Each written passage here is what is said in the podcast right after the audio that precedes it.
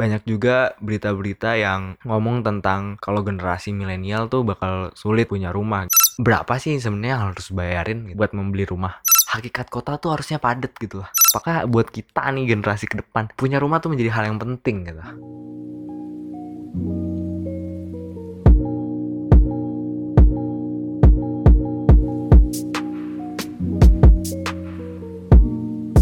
Yo balik lagi di podcast pecah Podcastnya Manca Di episode ke 9 Apa sih gue nadanya gitu banget gak sih?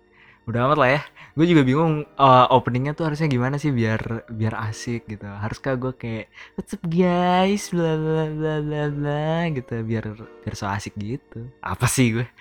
gak, gak, gak, gak Selamat datang di podcast pecah. Buat yang nggak tahu, podcast ini adalah podcast yang akan membicarakan tentang urbanisme, perkotaan, urban planning, pembangunan, dan segala macamnya. Tapi nggak cuma ngomongin itu sih. Ada episode-episode yang nggak ngomongin tentang perkotaan. Tenang aja, karena biar pendengarnya banyak. aduh, aduh. Ya, uh, pokoknya kayak gitulah. Dan podcast ini dibawakan oleh Manca, seorang mahasiswa yang punya pacar. Mampus lo semua. Apa sih sombong banget punya pacar doang? Seri-seri aja ya yang lain. Gitu anyway gue abis ngepodcast sama Om Rane.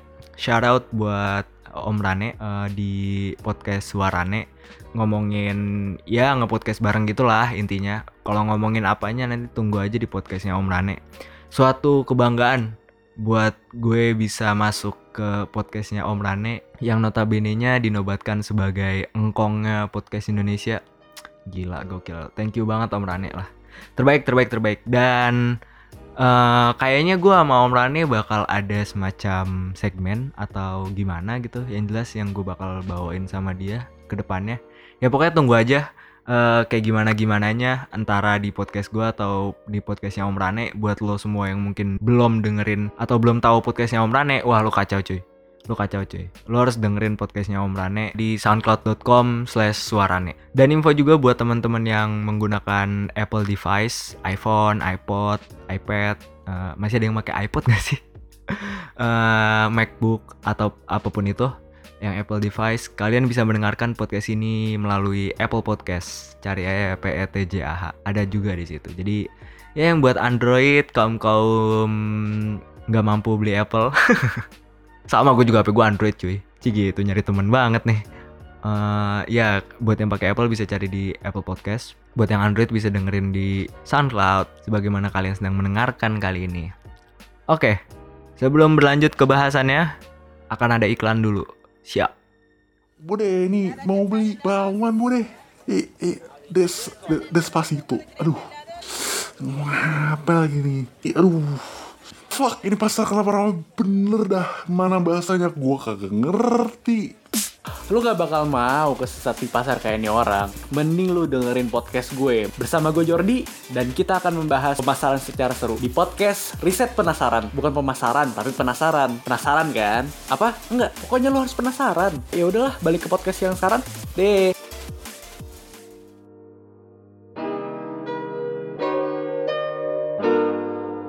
Oke, balik lagi di podcast pecah. Yoi banget gak tuh tadi iklannya? Udah makin kayak radio gak nih? ya habis gimana cuy? Kalau bukan sesama podcaster yang mempromosikan podcast lain, masih apa lagi? Betul apa betul? Udah kayak pengajian gue. uh, Oke, okay, hari ini uh, kita mau ngebahas sesuatu yang sangat seksi. Yo, apa sih sosok misterius padahal orang yang dengerin ini juga pasti udah baca judulnya. bodoh, mancah bodoh. Di episode ini gue bakal bahas tentang perumahan ya. Suatu bahasan yang kayak tadi gue bilang cukup seksi karena banyak juga berita-berita yang ngomong tentang kalau generasi milenial tuh bakal sulit punya rumah gitu ya. Uh, menurut gue itu juga itu adalah pertanyaan yang menarik gitu. Karena bukan masalah milenial sulit atau enggak mendapatkan rumah pertanyaan sebelum itu menurut gue juga belum tentu terjawab dengan mudah. Yaitu apakah nih bagi kita milenial memiliki rumah itu suatu hal yang penting gitu? Paham gak sih? Kayak ya mungkin banyak nantinya dari kita yang dari kita dari generasi ini generasi milenial ini rumah itu nggak sepenting itu maksudnya memiliki memiliki gitu suatu rumah ya nggak jadi menurut lo tuh penting nggak punya rumah siapa pun buat mau milenial mau enggak menurut lo penting gak sih punya rumah? Kasih alasannya. Eh ini deh gue sumpah sumpah lo komen ya lo komen nih buat yang dengerin. Lo komen menurut lo penting nggak punya rumah? Itu dulu yang menurut gue menarik untuk dijawab. Eh, nanti yang komen yang paling bagus gue kasih stiker lah. Sumpah gue beliin stiker, gue beliin stiker. Lu komen, sumpah demi apa pun deh. Ini semacam giveaway, giveaway kampret gitu kayak youtuber-youtuber nih. Di podcast udah ada yang pernah bikin giveaway belum sih? Nggak tahu ya Udah belum sih? Nggak tahu lah Pokoknya buat yang komen dan ngasih alasan dan menarik Nanti yang hoki bakal gue beliin stiker Lu pada pakai line kan pasti Iyalah, masa nggak pakai line sih? Nanti gue beliin stiker deh. Lu mau stiker apa? Lu bakal gue hubungin. Nanti lu kasih tahu mau stiker yang mana. Nanti gue kirimin koinnya. Beneran ya, sumpah. Komen aja. Lu mau punya rumah apa enggak? Alasannya kenapa? Nanti yang hoki gue kasih. Gue beliin satu stiker. Nice. Good job Manca. Good job Manca. Semoga pendengarmu banyak Manca. apa sih doain diri sendiri? Eh ya, oke. mari kita pakai asumsi dulu aja ya. Asumsi bahwa Oke, gue uh, orangnya pengen punya rumah gitu. Jadi uh, misal kayak ada orang ngeca gue mau punya rumah nih gitu. Gue sempat beberapa kali ditanya hal-hal kayak gitu juga. Eh cah, uh, lu kan anak PWK nih. Lu bahas perumahan gak sih? Iya, gue bahas perumahan gitu. Ini dong bantuin gue dong, gue mau beli rumah gitu. Biasanya ke kelas kakak kelas gue gitu. Uh, jadi dia punya beberapa pilihan, preferensi segala macam. Jadi dia nanya-nanya tentang itulah. Hal yang selalu gue tanyakan pertama kali adalah di mana rumah yang lo mau gitu apakah lo mau di kota atau di pinggir kota atau di desa sekalian gitu karena eh, lokasi itu sangat menentukan harga gitu kenapa lokasi di kota itu harganya cenderung lebih mahal dibandingkan di suburban di pinggiran kota ataupun di desa ya karena jelas lahan di kota terbatas dan lahan di kota tuh kasarannya tuh banyak yang mau gitu. Ya kan maksudnya orang mau bangun hotel orang mau bang- bangun mall orang mau bangun eh, tempat prostitusi. Maksud gue kayak banyak gitu saingan lo buat punya rumah di situ.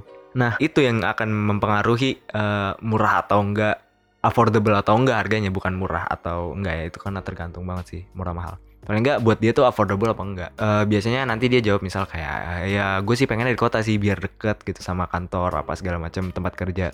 Nah pertanyaan selanjutnya tuh biasanya kayak eh, gue selalu gue selalu menanyakan kayak eh, lo mau punya rumahnya landed housing apa vertikal nih? Umumnya pasti jawabnya tuh landed housing gitu karena mereka ya landed housing tuh kayak rumah biasa gitu ya kayak satu rumah. Ada ada eh, tanahnya milik sendiri di satu coupling gitulah karena ya emang ya cenderungnya rumah kayak gitu mungkin bisa dibilang lebih enak ya karena lo punya privacy yang jelas yang nggak nggak berarti apartemen gak punya privacy sih. Tapi maksud gue kayak ya lo bisa punya taman bisa lo karena itu tanahnya milik lo lo bisa bangun lagi jadi dua lantai jadi tiga lantai gitu. Maksudnya ya sesuai bisa di expandable dengan bisa di expand gitu loh eh, rumahnya. Nggak kayak kalau misalnya lo vertikal kan di apartemen ya terbatas gitu kalau lo belinya satu eh, satu ruangan gitu satu apartemen ya udah lo cuma segitu doang nggak bisa nambah dilebarin apa gimana gitu. Nah eh, ini menjadi sangat penting karena kalau misalnya dia tadi kan dia bilangnya misalnya mau dia di kota tapi dia maunya landed housing. Kalau misalnya dia jawabnya landed housing gue bakal nanyain pertanyaan gue tuh pasti kayak anjir lu punya duit berapa sih? Gitu. Ini sombong banget sih snob banget tapi maksud gue kayak eh karena harga di tengah kota di perkotaan gitu yang dekat kantor tapi landed housing itu mahalnya nauzubillah min jalik cuy. Sumpah. Sumpah karena ya tadi lahannya kan jadi yang bikin mahal rumah itu sebenarnya lahan. Lahannya kalau lahannya makin murah otomatis tuh harga rumahnya akan makin murah. Kenapa rumah-rumah di pinggiran kota di desa itu akan jauh harganya misalnya dengan ukuran yang sama spek yang sama itu harganya akan jauh lebih murah karena mahal tanahnya tuh jauh cuy Kayak misalnya di pusat kota 1 meter 20 juta di pinggiran kota bisa nyampe 5 juta di desa mungkin masih ratusan ribu gitu. Itu yang bikin harga perumahan mahal. Nah, jadi trade off kan. Maksudnya ya udah tinggal di mana nih lo mau tetap landed housing, lo punya duitnya berapa? Kalau nggak cukup ya pilihannya lo mau kalau mau tetap di pusat kota ya lo otomatis harus beli yang apartemen mau nggak mau harus yang vertical housing. Atau lo tetap landed housing tapi mun pindah ke pinggir kayak misalnya contohnya misalnya di Jakarta gitu ya lu me- mesti ke pinggir, mesti ke Bekasi, mesti ke Depok, mesti ke Tangerang gitu. That's why kalau misalnya uh, kita lihat datanya nih cuy, pertumbuhan penduduk tuh kalau misalnya di Jabodetabek pertumbuhan penduduk itu paling banyak tuh di sekitarnya, maksudnya bukan di Jakartanya, bukan di pusat di di Jakarta yang sebagai pusat gitu. Justru di kota-kota satelitnya, kota-kota yang menopang Jakarta kayak Bekasi, kayak Depok, kayak Bogor, kayak Tangerang. Itu tuh pertumbuhan penduduknya tinggi banget karena itu tadi karena dia nggak afford rumah untuk di Jakarta. Makanya dia move ke pinggiran yang masih affordable gitu. Walaupun sebenarnya ya itu masih masih mahal-mahal juga sih. Masih mahal-mahal juga gitu. Maksudnya dengan harga yang sama, misal katakanlah berapa ya? Eh, Satu miliar deh, misal ya, misal ya, misal biar gampang dengan harga rumah di Bekasi satu miliar, lo bisa dapet apartemen dengan fasilitas yang lebih baik, maksudnya lebih lengkap dibandingkan di daerah pinggiran, di suburban kayak tadi gitu.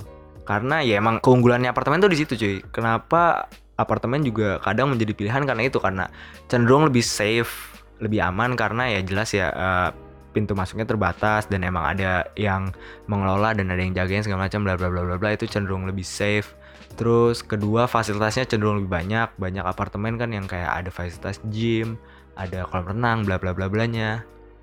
Itu keunggulannya apartemen, tapi kan ya tadi masalah preferensi apakah dia mau gitu tinggal di apartemen yang sangat dia bisa dibilang sangat individualis lah gitu. Lo bakal susah gak sih di apartemen buat berkomunikasi sama orang uh, tetangga tetangga lo gitu. Jadi kayak bingung juga gitu. Kasarannya gue juga gue nggak kebayang deh. Gue gue tinggal di rumah ya rumah biasa gitu landed housing sama orang tua yang di Bekasi gitu maksudnya.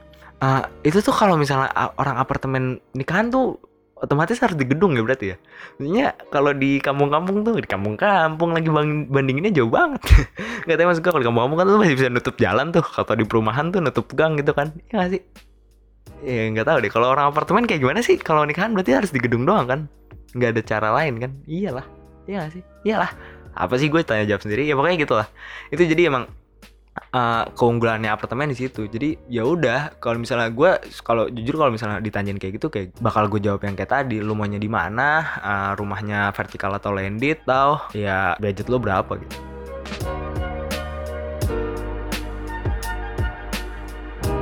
Jadi itu cuy yang uh, kayak tadi gue bilang yang membuat uh, harga rumah mahal tuh tanahnya gitu tanahnya yang emang nggak nggak bisa dikontrol gitu. Di Indonesia tuh Indonesia tuh aneh gitu. Maksudnya kayak kita tuh negara kita tuh Pancasila kan ya. Nggak liberal nggak juga komunis gitu. Nggak sosialis maksudnya nggak kiri nggak kanan. Pengennya di tengah-tengah. Tapi masalah tanah nih yang komoditas yang tanah tuh terbatas cuy. Lahan tuh terbatas gitu. Tapi yang terbatas itu tuh justru li sangat liberal loh. Maksudnya harga tanah tuh pasar loh yang yang iniin yang yang nentuin. Makanya banyak maklar tanah banyak spekulan tanah gitu tanah-tanah yang biasanya misal uh, daerah mana mau dibangun jalan tol atau apa itu pasti daerah uh, tanah-tanah di sekitar jalan tol itu contohnya misalnya itu bakal naiknya tinggi banget cuy. Karena itu karena liberal banget pengelolaan tanah kita. That's why banyak kayak apa ya ya gue pernah bilang kok kayaknya di podcast ini lupa gue episode berapa ya kalau lu mau menjadi penguasa ya lu harus punya banyak tanah gitu. Karena kalau lu punya tanah lu punya surat hak miliknya ya ya udah itu punya milik lo gitu. Lo mau ngapainnya terserah lo lo mau keep kayak mau jadi apa. Contoh gokilnya nih. Aduh ini melebar sih betul udah amat lah. Uh, Mekarta gitu cuy. Mekarta itu tanahnya udah di tahun 1990-an cuy. Udah punya si Lipo. Gila gak? 1990-an tuh tanahnya udah punya Lipo tapi baru dibangun 2017-an mulai itu pun belum dibangun baru jadi iklan gitu. Men dia dari tahun 90-an tuh udah udah ngekip tanah itu setahu gue tuh tanahnya lebarnya yang punya Liponya tuh kalau nggak salah daerah situ 5000 hektar. Tapi buat si Mekarta nih kayak kecil kok 50 hektar atau berapa hektar pokoknya kecil lah intinya. Kok bisa gitu loh dia punya tanah sebesar itu dari zaman dulu dan sekarang dengan enaknya ketika infrastruktur makin tinggi maksudnya infra di Mekarta nih kalau misalnya lihat nih itu tuh nanti kereta cepat Jakarta Bandung itu tuh bakal ngelewatin Mekarta loh. Maksud gue kayak de, pas pemerintah punya kenapa pak pertanyaan terbesar gue kenapa pas banget ketika pemerintah mau bangun kereta cepat pembangunan kereta cepat itu stasiunnya atau daerah pembangunannya melewati daerah yang namanya nanti nantinya akan dibangun Mekarta gitu. Lu aneh gak sih kayak itu tuh kayak tadi gue bilang semakin banyak infrastruktur yang mempengaruhi yang strategis di sekitar daerah itu akan membuat tanahnya itu mahal gitu makan akan meningkatkan value tanah value propertinya akan naik banget gitu. Jadi paham nggak? Di tahun 1990-an ngeluarin duit berapa buat tanah itu? Bangunnya sekian. Ketika ada properti itu ada ada fasilitas itu infrastruktur itu si kereta cepat tuh harga itu mak- malah makin gila cuy Sumpah deh kayak kenapa Mekarta bisa setepat itu gitu loh lokasi bang- dibangunnya. Nantinya bakal kayak tadi bilang bakal ada kereta cepat Jakarta Bandung segala macem ya nanti juga kalau di de- deket situ juga bakal ada pusat industri terus di dekat situ juga nanti nggak dekat-dekat banget sih ada bandara Kertajati. Maksudnya eh, curiganya gue sih kayak itu emang udah semacam kerjasama atau deal-dealan karena gini cuy Indonesia nih aneh banget. Berdasarkan indeks kemudahan izin membangun properti di dunia Indonesia tuh menempati peringkat 120 itu tuh cacat banget men. Itu jauh banget.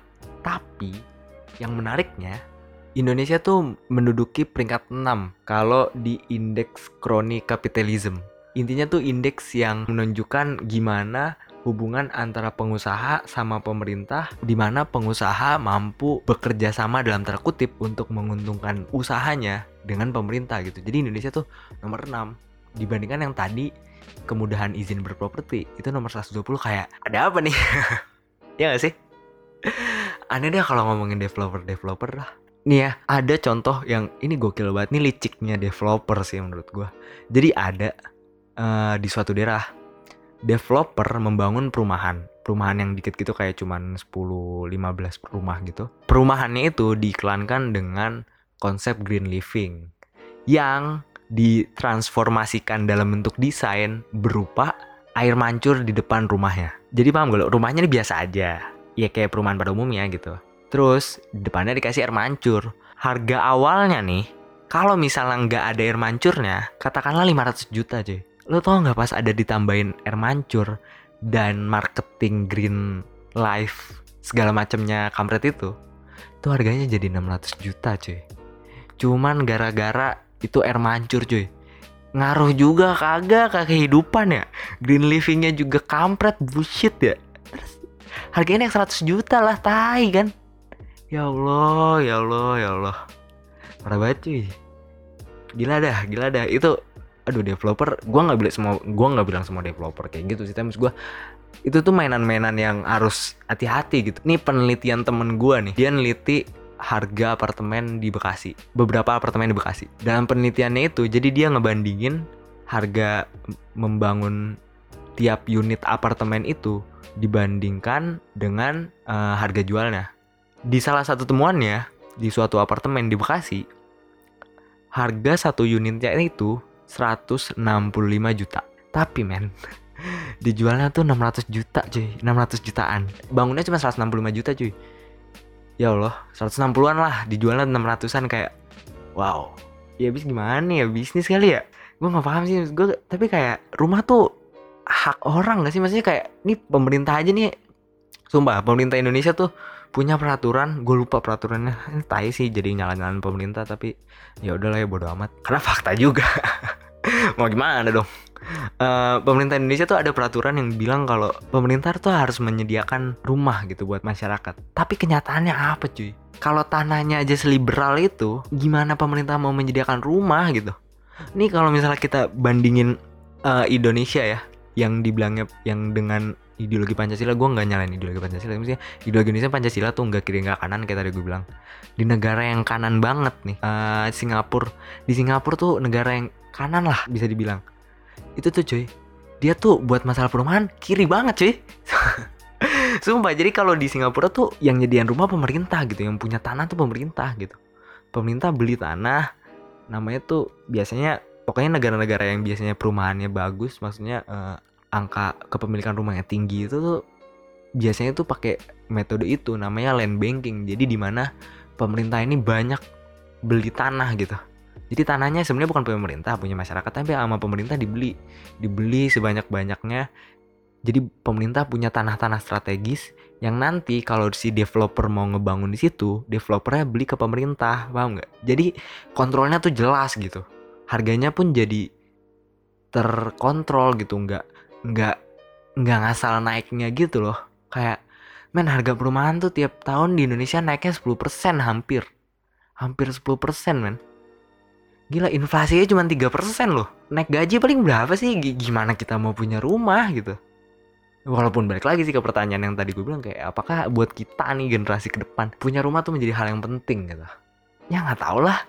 Complicated emang complicated, complicated banget gitu loh. Kayak ngedeketin cewek yang balasnya lama gitu. Apa sih analoginya? Jauh banget. Aneh banget gitu. Dan ini pemerintah ini maunya apa gitu? UU-nya kiri eh U-nya kiri. Iya U-nya kiri gitu tapi implementasinya kanan banget gitu. Kanan mentok malah. Aduh gimana sih? Alah kampret lah. Gak tau lah gue Ini bahas apa? Tadi bahas perumahannya lewat banget ya Eh, gini deh sebagai contoh nih gue tadi udah lihat-lihat gitu harga rumah. Jadi di Bekasi ada namanya Sumarekon Mall. Sumarekon Mall itu nama mall berarti dong. Eh, ada namanya daerah semacam iya kota kecil gitu buatan developer namanya Sumarekon Bekasi. Jadi di Sumarekon Bekasi ini ada rumah yang harganya 1 miliar 74 juta. Nah, ini contoh aja contoh ya contoh aja. Maksudnya ini sebagai bayangan berapa sih sebenarnya harus bayarin buat membeli rumah Contoh rumah tadi satu miliar gitu kita lurusin aja nih di Sumarekon Bekasi yang which is di pusat kota Bekasi dari pusat transportasi kayak stasiun Bekasi dan segala macamnya itu deket dan fasilitasnya juga oke. Sebagai contoh aja biar gampang gambarannya. Harga satu miliar. Nah, gue lihat nih cicilannya. Cicilannya tuh 6 juta per bulan selama 20 tahun. Dan sebagaimana peraturan pemerintah yang dikeluarkan oleh BI Bank Indonesia, minimal DP buat perumahan itu itu tuh 15%. 15 dia 15 20%. Makanya kalau kita lihat tuh dulu di berita sempat ricuh gitu si Anis mau bikin rumah DP 0% sama BI itu nggak bisa itu tuh nggak nggak nggak nggak visible cara ekonomi. Makanya ujung-ujungnya diganti jadi DP 0 rupiah. Apa sih itu? Labil banget jadi pemerintah. Oke baiknya ke rumah di Sumarekon. Nah rumah satu miliar DP-nya tuh katakanlah misalnya 20% lah. DP 20 20% berarti berapa? 200 juta gitu. Dan eh, cicilan 6 juta per bulan selama 20 tahun tenornya 20 tahun. Ini kalau gue hitung-hitung cuy DP 200 juta 6 juta selama 20 tahun itu cuy yang lu bayarin total-totalnya jadi 1,6 miliar. Paham nggak? Jadi eh, 6 juta kali 12 kali 20 tambah 200 juta itu kurang lebih 1,6 miliar. Oke lah s- sekarang ya udahlah masalah untung rugi kebanyakan untungnya buat si developer ya fuck lah lewatin dulu. Jadi buat 6 juta itu ini sebagai bayangan 6 juta per bulan itu secara ekonomi secara finansial gitu harusnya dimiliki sama orang yang berpenghasilan sebulan tuh kayak 20 juta gitu. Itu pun masih kecil maksudnya kayak nggak aman gitu sih keadaan kondisi keuangannya kalau yang gue baca-baca. Jadi maksud gue semahal itu men Emang sih masih banyak pilihan rumah-rumah yang nggak satu miliar Tapi sebagai gambaran aja Jadi untuk rumah satu miliar di tahun 2018 Lo paling nggak harus mempunyai gaji per bulan 25 juta aman. 25 sampai 30 juta lah. Men, semahal itu dan itu pun lu selama 20 tahun cuy. Tiap bulan 6 juta, 6 juta, 6 juta. Pas tahun ke-19 meninggal, sian banget ya Allah innalillahi Tapi ya, ya gitu itu sebagai bayangan betapa mahalnya properti di Indonesia gitu. Ya emang sih sebenarnya ada pilihan gitu, pilihan harga rumah yang lebih murah kan ada rumah tuh ada tipe 21, tipe 36. Nah, BTW buat yang nggak tahu tipe 21 tuh itu ukuran bangunannya ya, bukan ukuran tanahnya. Jadi ukuran ukuran bangunannya tuh biasanya 3,5 meter kali 6,5. Biasanya segitulah pokoknya. Eh, eh 3,5 kali 6,5 ya segitu pokoknya segitulah intinya Eh, tipe 21 36 itu makanya itu tuh luas bangunannya bukan luas tanahnya. Biasanya tipe 21 tuh luas tanahnya 36 36 meter. Tipe 36 luas tanahnya 70 meter biasanya. Ya pokoknya segitu karena biar eh, ada ada ada ada link ada ada sedikit secuil ada secuil semacam taman backyard ataupun front yard kayak gitu sih. Dulu tuh tahun 90-an tuh harga kalau gue kepo-kepo nih harga rumah tipe 36 itu harganya masih 20 jutaan cuy. Emang sih kalau nggak nggak cocok banget dibandingin sama sekarang. Terus gue kayak itu 20 jutaan dan sekarang harganya udah naik sekitar 300 jutaan mungkin ya 300 jutaan. Itu tuh naiknya tinggi banget gitu dari tahun 90-an aja. Padahal itu tadi masalahnya harga rumah tuh naiknya nggak sebanding sama kenaikan pendapatannya gitu. Ini kan jadi fuck up gitu gak sih?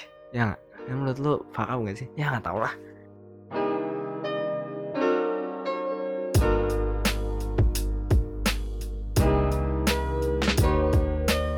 Dan kalau ngomongin rumah nih ya, banyak yang bilang eh, rumah itu karena suplainya nggak cukup gitu, jadi backlog ba- banyak kekurangan rumahnya. Menurut gua itu tuh nggak nggak sesuai gitu karena faktanya banyak cuy, banyak banget rumah rumah ataupun apartemen apa pun itu tempat tinggal yang sebenarnya ada ada gitu, tapi masalahnya orang tuh nggak mampu beli gitu. Jadi tinggal gimana nih caranya? Turunin harganya apa banyakin lagi rumahnya? Terus apakah dengan membuat kota baru kayak contoh tadi Mekarta segala macam itu tuh menjadi solusi? eh bisa dibilang solusi tapi parsial sih. Gini loh, kalau ngomongin perkotaan tuh intinya kota tuh hakikat kota tuh harusnya padat gitu lah. Lu kalau mi- misalnya kota di Jakarta tuh nggak padat cuy sebenarnya. Sumpah kalau misalnya dibandingin sama kota-kota nggak usah kota-kota yang bagus banget deh sama kota-kota yang di ASEAN non Singapura gitu kayak Bangkok misal atau Kuala Lumpur yang lebih sesuai gitu maksudnya yang lebih apple to apple buat dibandingin dengan Jakarta. Itu tuh Jakarta masih jauh cuy kepadatannya. Jadi biarin aja kotanya padat. Lagian juga kalau misalnya ditelik sejarahnya ada suatu keanehan di mana Jakarta tuh langsung naik dari yang landed housing gitu yang rumahnya eh, satu rumah satu rumah satu rumah gitu langsung naik jadi kayak ke yang tinggi banget gitu loh. Kalau di luar negeri tuh naiknya tuh biasanya berkala ber, bertahap gitu loh. Kayak awalnya ya setiap kota pasti gitu pasti ya karena dulu manusia masih dikit eh, kegiatannya juga nggak sebanyak sekarang itu tuh pasti rumahnya masih eh, daerah-daerahnya masih kayak landit-landit gitu biasa nggak ada bangunan tinggi tapi mereka tuh naiknya perlahan gitu kayak dari eh, lantai satu ke lantai tiga lantai 5 terus lantai 10 lantai 15 jadi kayak intinya naiknya tuh dikit-dikit. Jadi kalau misalnya dibilang orang Indonesia yang nggak siap sama vertical housing itu tuh juga yang mbok piye? Karena karena masyarakatnya langsung dari landed langsung dikasih 20 lantai. Ya gila cuy. Orang juga kaget. Bayangin nih misalnya ada orang puluhan tahun hidup di rumah yang landed gitu tiba-tiba digusur dikasih hunian vertikal tapi tingginya setinggi 15 lantai apa segala macam ya itu gila gitu. Orang juga belum siap cuy. Harus bertahap. Itu yang kronisnya gitu kayak ada keanehan, ada keanehan dengan pembangunan. Kalau misalnya di spesifik konteksnya di Jakarta gitu, belum lagi terkait tren pembuatan kota baru gitu kayak Mekarta, terus nanti ada yang lain pasti kalau lihat Mekarta udah seberhasil itu aneh gitu. Itu tuh itu tuh beneran nggak nggak nggak menyelesaikan masalah deh ujung-ujungnya tetap aja mau orang tinggal di Mekarta juga pasti dikerjain di Jakarta gitu karena pembangunannya nggak integratif gitu kayak aduh ini podcastnya nyalain pemerintah mulu nggak sih? Nggak tahu lah ya udahlah salahin siapa kayak kita nyalain siapa yang enak kayaknya nyalain siapa ya? Nyalain siapa? Nyalain ibu melahirkan gitu. Udahlah ya. Kayaknya segitu aja intinya. Kalau mau punya rumah nih make sure lo orang kaya itu sih. Udah kesimpulan dari podcast hari, hari ini itu aja. Cih gitu sosokan banget ya gue kayak udah punya duit aja canda canda. Ya kalau mau punya rumah intinya sesuaikan sama preferensi aja sih. Kalau misalnya lo mau landed housing tapi di pusat kota harganya akan sangat sangat mahal. Atau kalau lo mau masih punya rumah yang landed housing mau nggak mau harus pindah ke pinggiran kota. Atau kalau lo mau masih di pusat kota ya belinya apartemen. Kayak gitu aja. Yang which is apartemen tuh kalau misalnya dibilangnya investasi apartemen tuh lebih oke buat investasi jangka pendek. Karena yang lo punya itu surat hak guna bangunan gitu. Jadi uh, sebenarnya basically yang lo miliki itu cuman ruangan yang lo beli gitu. Nggak sama tanahnya. Karena tanahnya tuh nah kalau tanah tuh namanya surat hak milik itu tuh punya si developernya biasanya. Kayak gitu. Jadi makanya dibilangnya apartemen tuh cocok untuk investasi jangka pendek. Kalau lu punya hak guna bangunan itu tuh ada jangka waktunya. Kalau nggak salah 30 tahun dan boleh diperpanjang sampai 20 tahun jadi kalau emang dilihat dari perspektif investasi, apartemen itu lebih oke buat jangka pendek, tapi kalau jangka panjang itu lebih ke landed housing. Ya intinya itulah trade off-nya di situ. Uh, ditunggu tadi yang masalah komen. Di lo komen aja kenapa apakah lo mau punya rumah atau enggak? Alasannya apa dan komen terbaik. Anjing sosokan kayak bakal ada yang komen banyak. Ay paling satu. Kalau satu juga berarti dia doang udah yang gue kasih stiker. Oke kayak gitu aja. Uh, sorry banget nih uh, podcastnya ngalor ngidul. Tapi ya semoga nggak ada manfaatnya. Karena kalau mau cari manfaat minum obat aja. Uh, terima kasih buat yang udah dengerin dan terima kasih juga buat mbak pacar yang udah diskusiin masalah ini. Cih gitu. Oke sampai ketemu lagi. Deh bye bye